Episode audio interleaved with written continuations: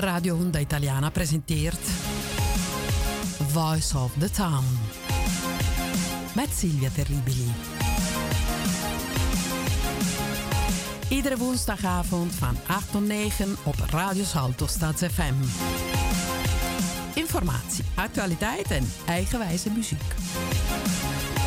Voice of the Town.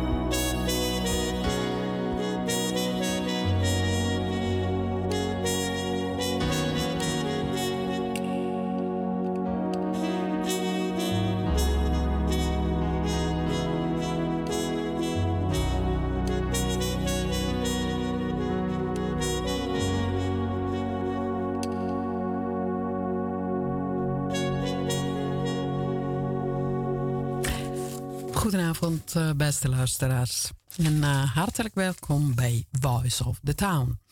Dit is het programma van uh, Radio Onda Italiano woensdagavond met actualiteiten, informatie, interviews, muziek, eigenwijze muziek.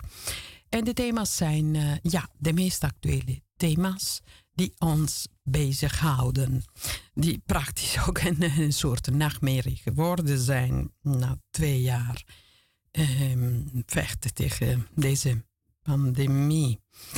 En vanavond ehm, hebben, we het weer daarover, helaas. Uh, het onderwerp houdt ons bezig. En ik zal wat uh, voorlezen uit een artikel van Pierre Capel. En verder ja, een vraag over het aantal coronabesmettingen bij sporters in Beijing. Ze zijn topsporters zijn naar China toegegaan, toegevlogen om mee te doen aan de uh, Chinese winterspelen, maar heel veel van hun zijn besmet. Um, en verder, ja, wat gaat gebeuren met de QR-code? En uh, ik wou ook een, uh, uit het NRC lezen wat het commentaar van vandaag was op de, of de voortzetting, die hardnekkige voortzetting van de QR-code, koste wat kost. Eh, Pierre Capel is emeritus hoogleraar experimentele immunologie aan de Universiteit van Utrecht. Hij studeerde biochemie aan de faculteit Wes- en Natuurkunde van Amsterdam. Naast jarenlange fundamentele en moleculair biologische research binnen het vakgebied van de immunologie, heeft hij ook gewerkt aan de ontwikkeling van nieuwe therapieën en inzichten op het gebied van beenmerg, en niertransplantatie.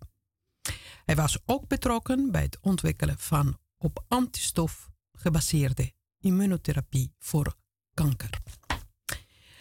Pierre Cabel, uh, en dit schrijft hij over uh, de virusinfecties en de verkeerde injecties ertegen.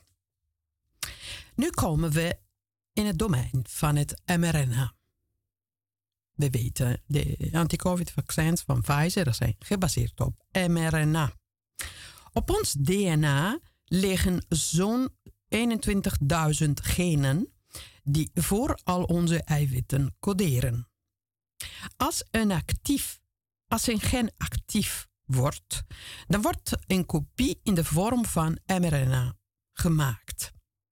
Die gaat vanuit de celkern naar de eiwitfabriek die in het celcytoplasma zit. Dit mRNA wordt op een geniale wijze gebruikt voor de productie van het eiwit. Laten we eens kijken naar het eiwit insuline. Afhankelijk van de concentratie van glucose in het bloed is veel of weinig insuline nodig.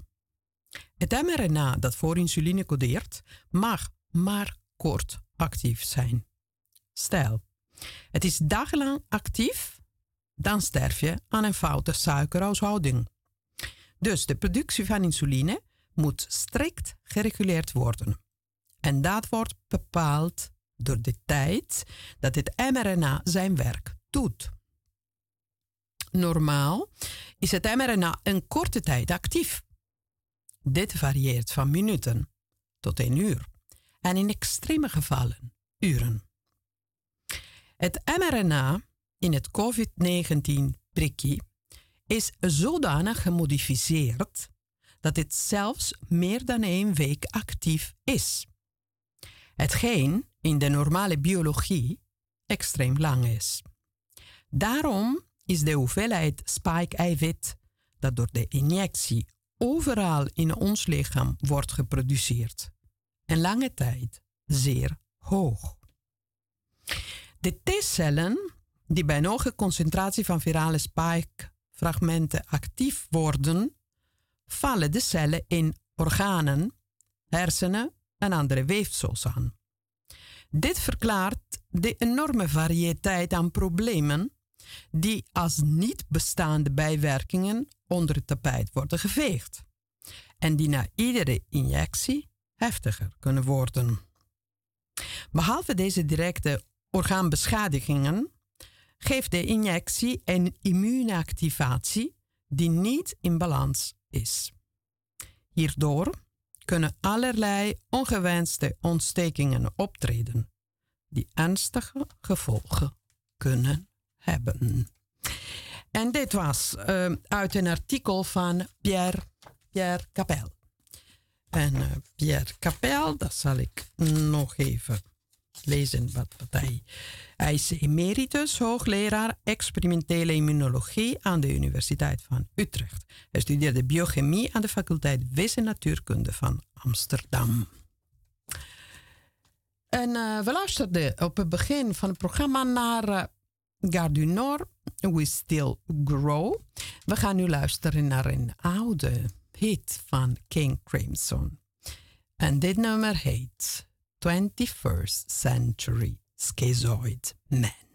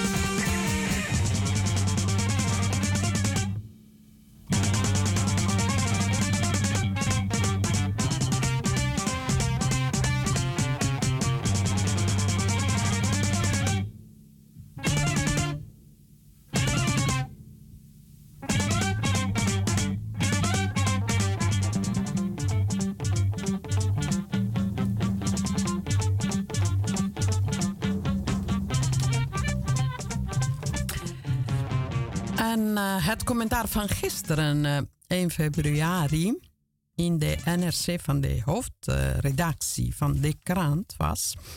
Uh, QR-code moet zo gauw als mogelijk is worden afgeschaft.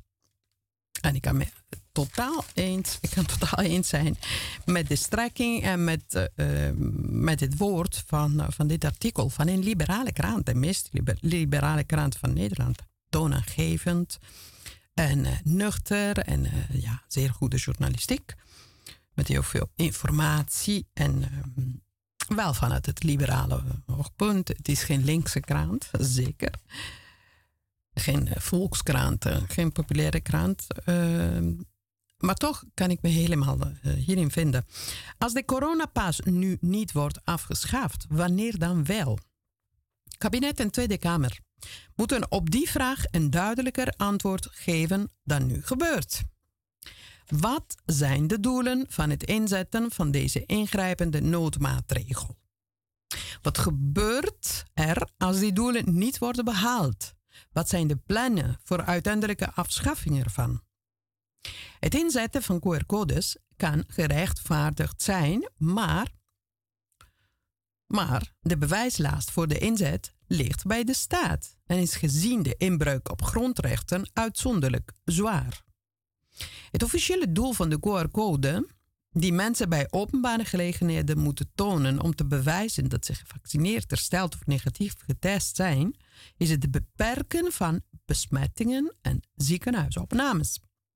Maar uit recent onderzoek van de, de Technische Universiteit Delft blijkt dat de invoering van het 2G of 3G-systeem op dit moment door de besmettelijkheid van de Omicron-variant nauwelijks het aantal coronagevallen remt. Op basis van ons onderzoek wordt het 2G of 3G-beleid moeilijker te verdedigen, stelde onderzoeker Niek Mouter. Is de coronapas dan nog wel proportioneel? Behalve dat de effectiviteit van de QR-code niet vaststaat, heeft de invoering ervan ook veel negatieve neveneffecten, blijkt uit een recente studie van onder meer Harvard. De intrinsieke motivatie van mensen om bij te dragen aan gemeenschappelijke doelen is essentieel te dragen is essentieel tijdens deze pandemie. En juist die cohesie kan worden ondermijnd door te grove inbreuken op vrijheden en de polarisering rondom de pas. Al dus de onderzoekers. Inmiddels neemt ook in het parlement de weerstand tegen de QR-code toe, bleek het af, bleek afgelopen week bij het debat over de coronamaatregelen. Volgens fractievoorzitter Gert-Jan Zegers van regeringspartij ChristenUnie, die al langer kritisch is op de coronapas, komt de vertrouwensrelatie tussen overheid en samenleving onder druk te staan, nu het kabinet de toegangsbewijzen, ondanks mager bewijs, voor de effectiviteit blijft inzetten. Dat is inderdaad een reëel gevaar.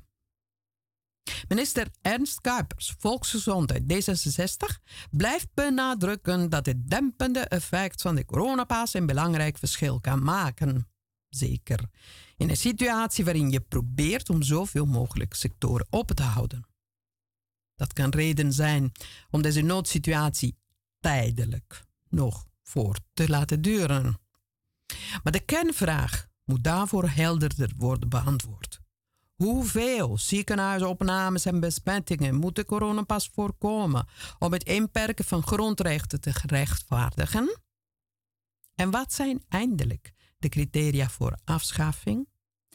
En, indien nodig, voor herinvoering? De QR-code wordt in veel Europese landen ook als vereiste voor inreizen gesteld.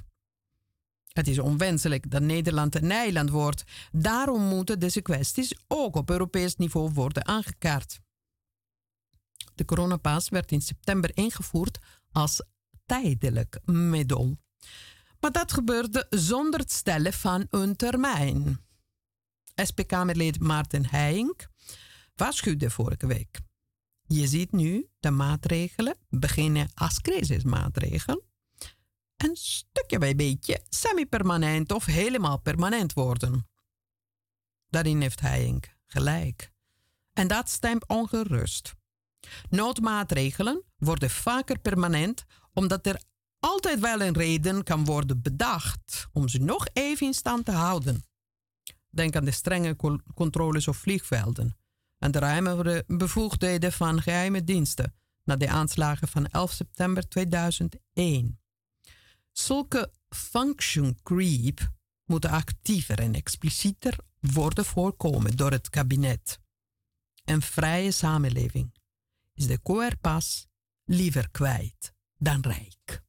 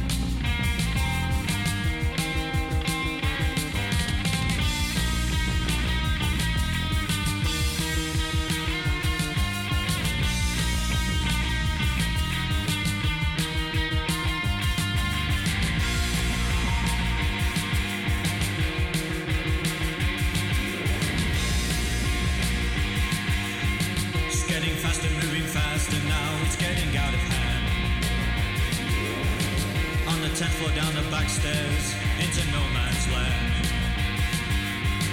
Lights are flashing, cars are crashing, getting frequent now. I've got the spirit, lose the feeling, let it out somehow.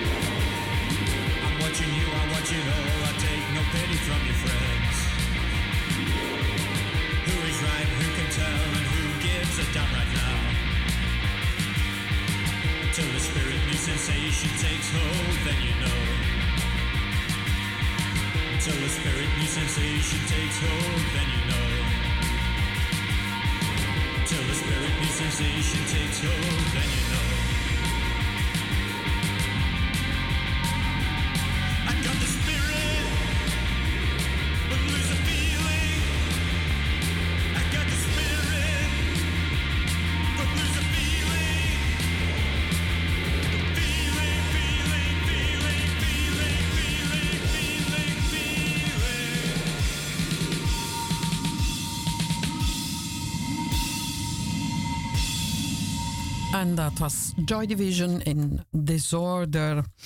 Herhaaldelijk uh, boosteren uh, is volgens het Europese Geneesmiddelenbureau EMA en de Wereldgezondheidsorganisatie WHO geen duurzame manier om het coronavirus te bestrijden. Volgens de EMA kan dat leiden tot prikmoeheid en een overgestimuleerd immuunsysteem. En uh, verder, uh, ja, uh, Ursula van der Leyen. Ja, zij is de voorzitter van de Europese Commissie. Maar zij is ook de echtgenoot van Heiko von der Leyen. En Heiko von der Leyen zit in het managementteam van biotechbedrijf Orgenesis. Dat bedrijf doet onderzoek naar coronamedicatie en vaccinatie. Produceert zelf geen coronavaccins.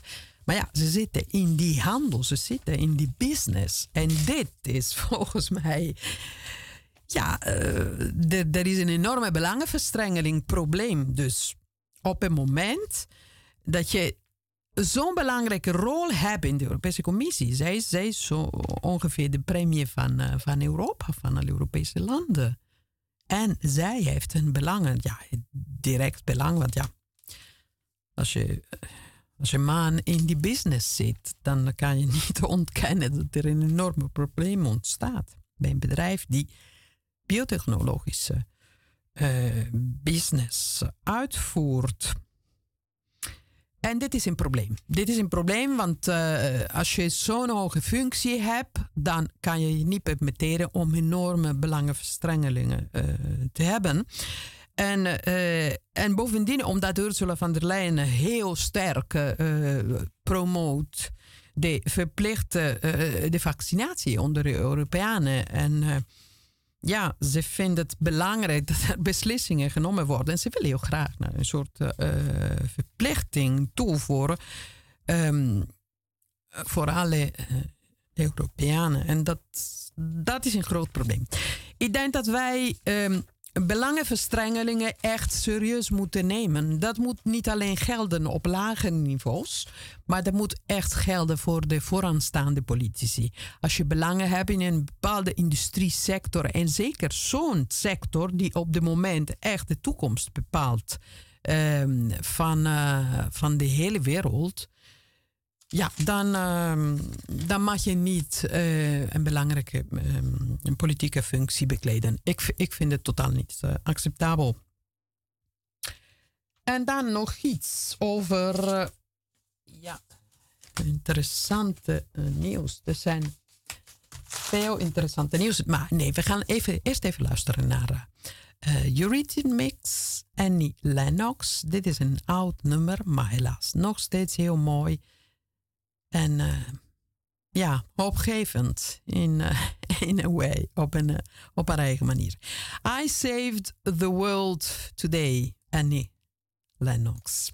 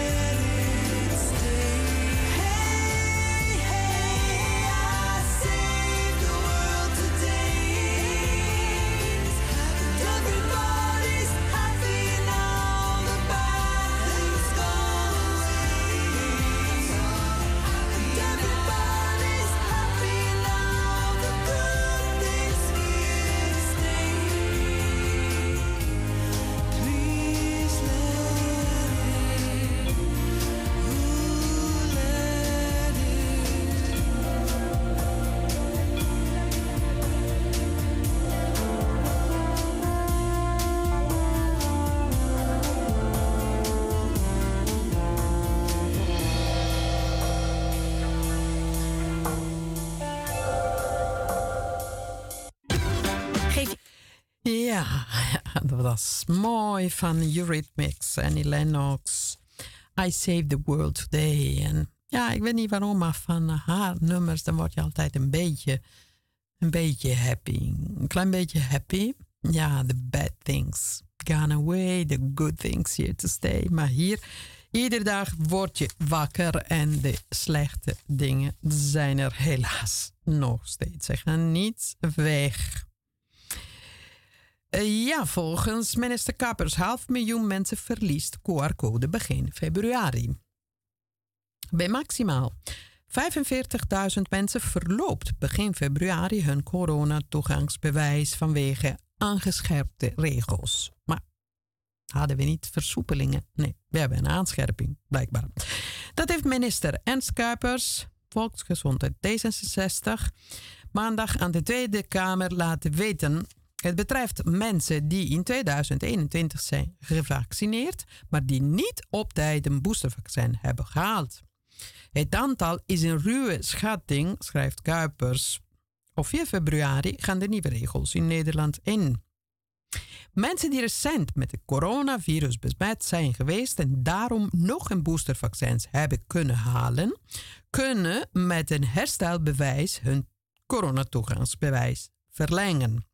Dat herstelbewijs is 180 dagen geldig, waarna alsnog een booster moet worden gehaald voor een geldige QR-code. Onlangs harmoniseert het ministerie de geldigheid van de coronapas met de regels die gelden voor de Europese coronacertificaat, voor het Europese coronacertificaat. De Europese Commissie heeft besloten dat een coronatoegangsbewijs op basis van vaccinatie 270 dagen geldt. Na herstel is het 180 dagen geldig. Waarom minder? Dat.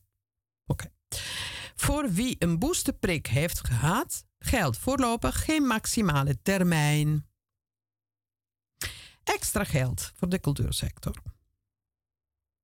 Ja, dat is weer wat anders. Uh, dus uh, half miljoen mensen verliest uh, de QR-code. Ja.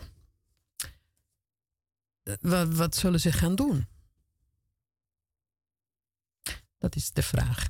En waarom hebben ze nog een boostervaccin genomen?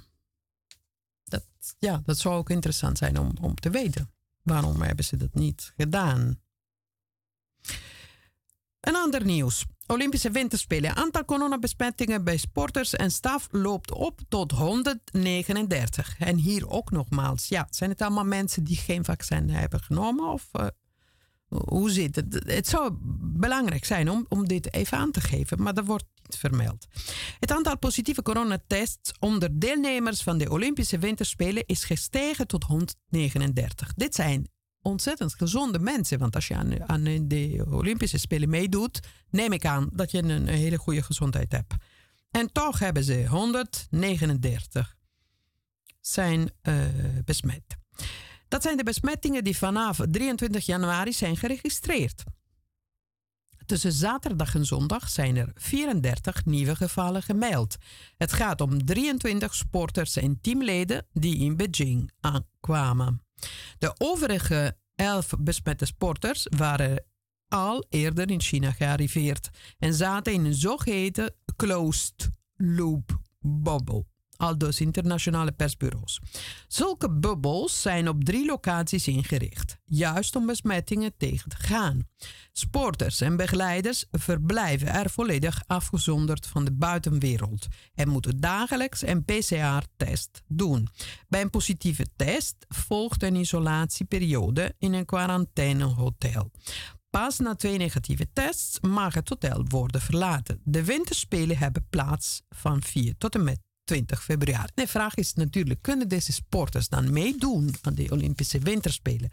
En een vraag blijft ook nog, nog steeds, ja, waren die mensen gevaccineerd? Hadden ze een booster genomen of niet? Dit zijn ook belangrijke informatie die je eigenlijk over moet geven. Maar ja, veel informatie um, wordt niet gegeven. Dus de vragen blijven nog steeds. En uh, we gaan nu uh, luisteren naar Franco Battiato in Foggy Nakal. Dat is een Irakese traditioneel nummer gezongen door Franco Battiato.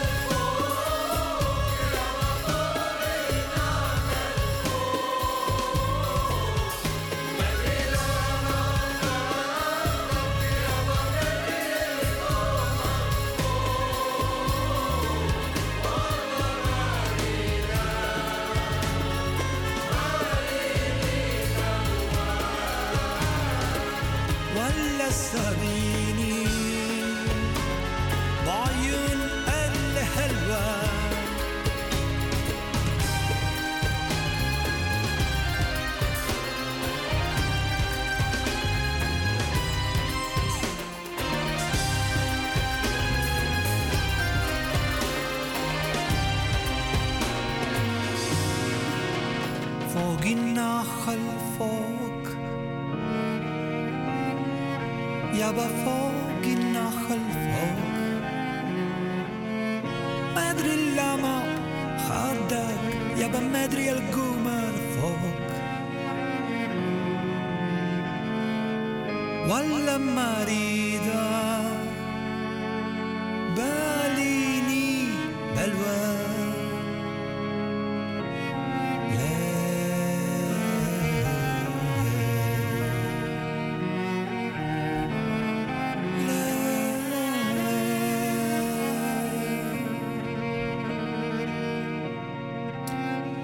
Franco Battiato in Fog in. Een eh, traditionele Irakese nummer. En we gaan nu luisteren naar Okean Elzi. Dat is een Oekraïense band. En dit nummer heet Obimi.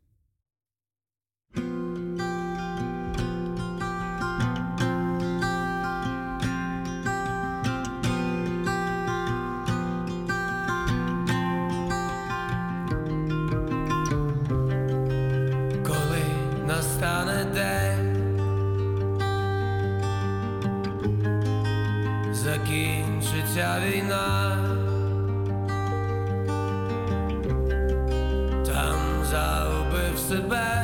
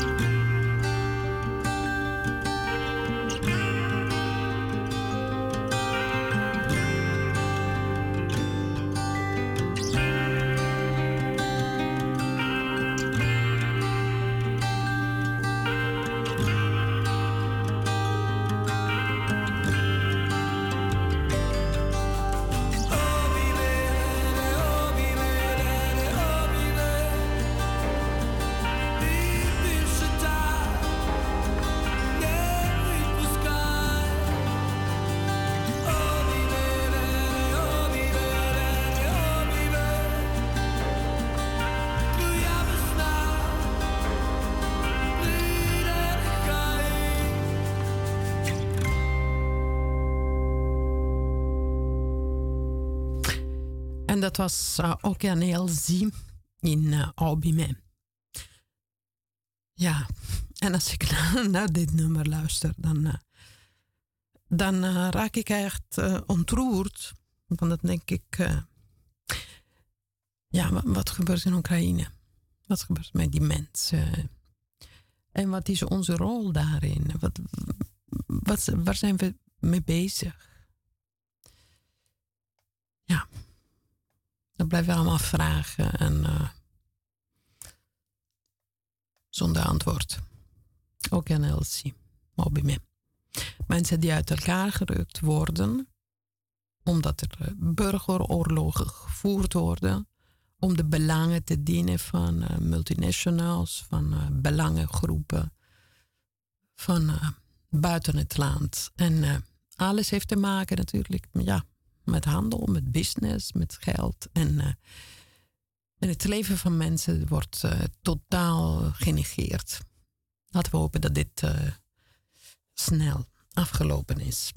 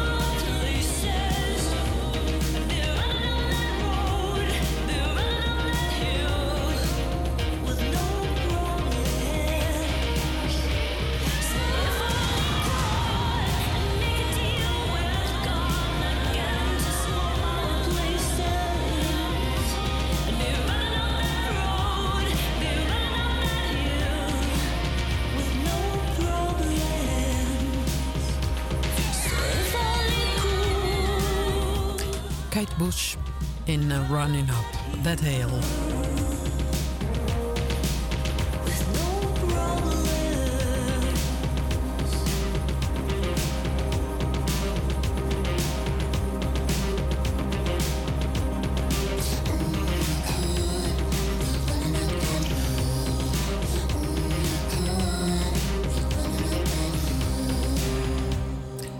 En uh, Kate Bush, een andere grote dame, Nico.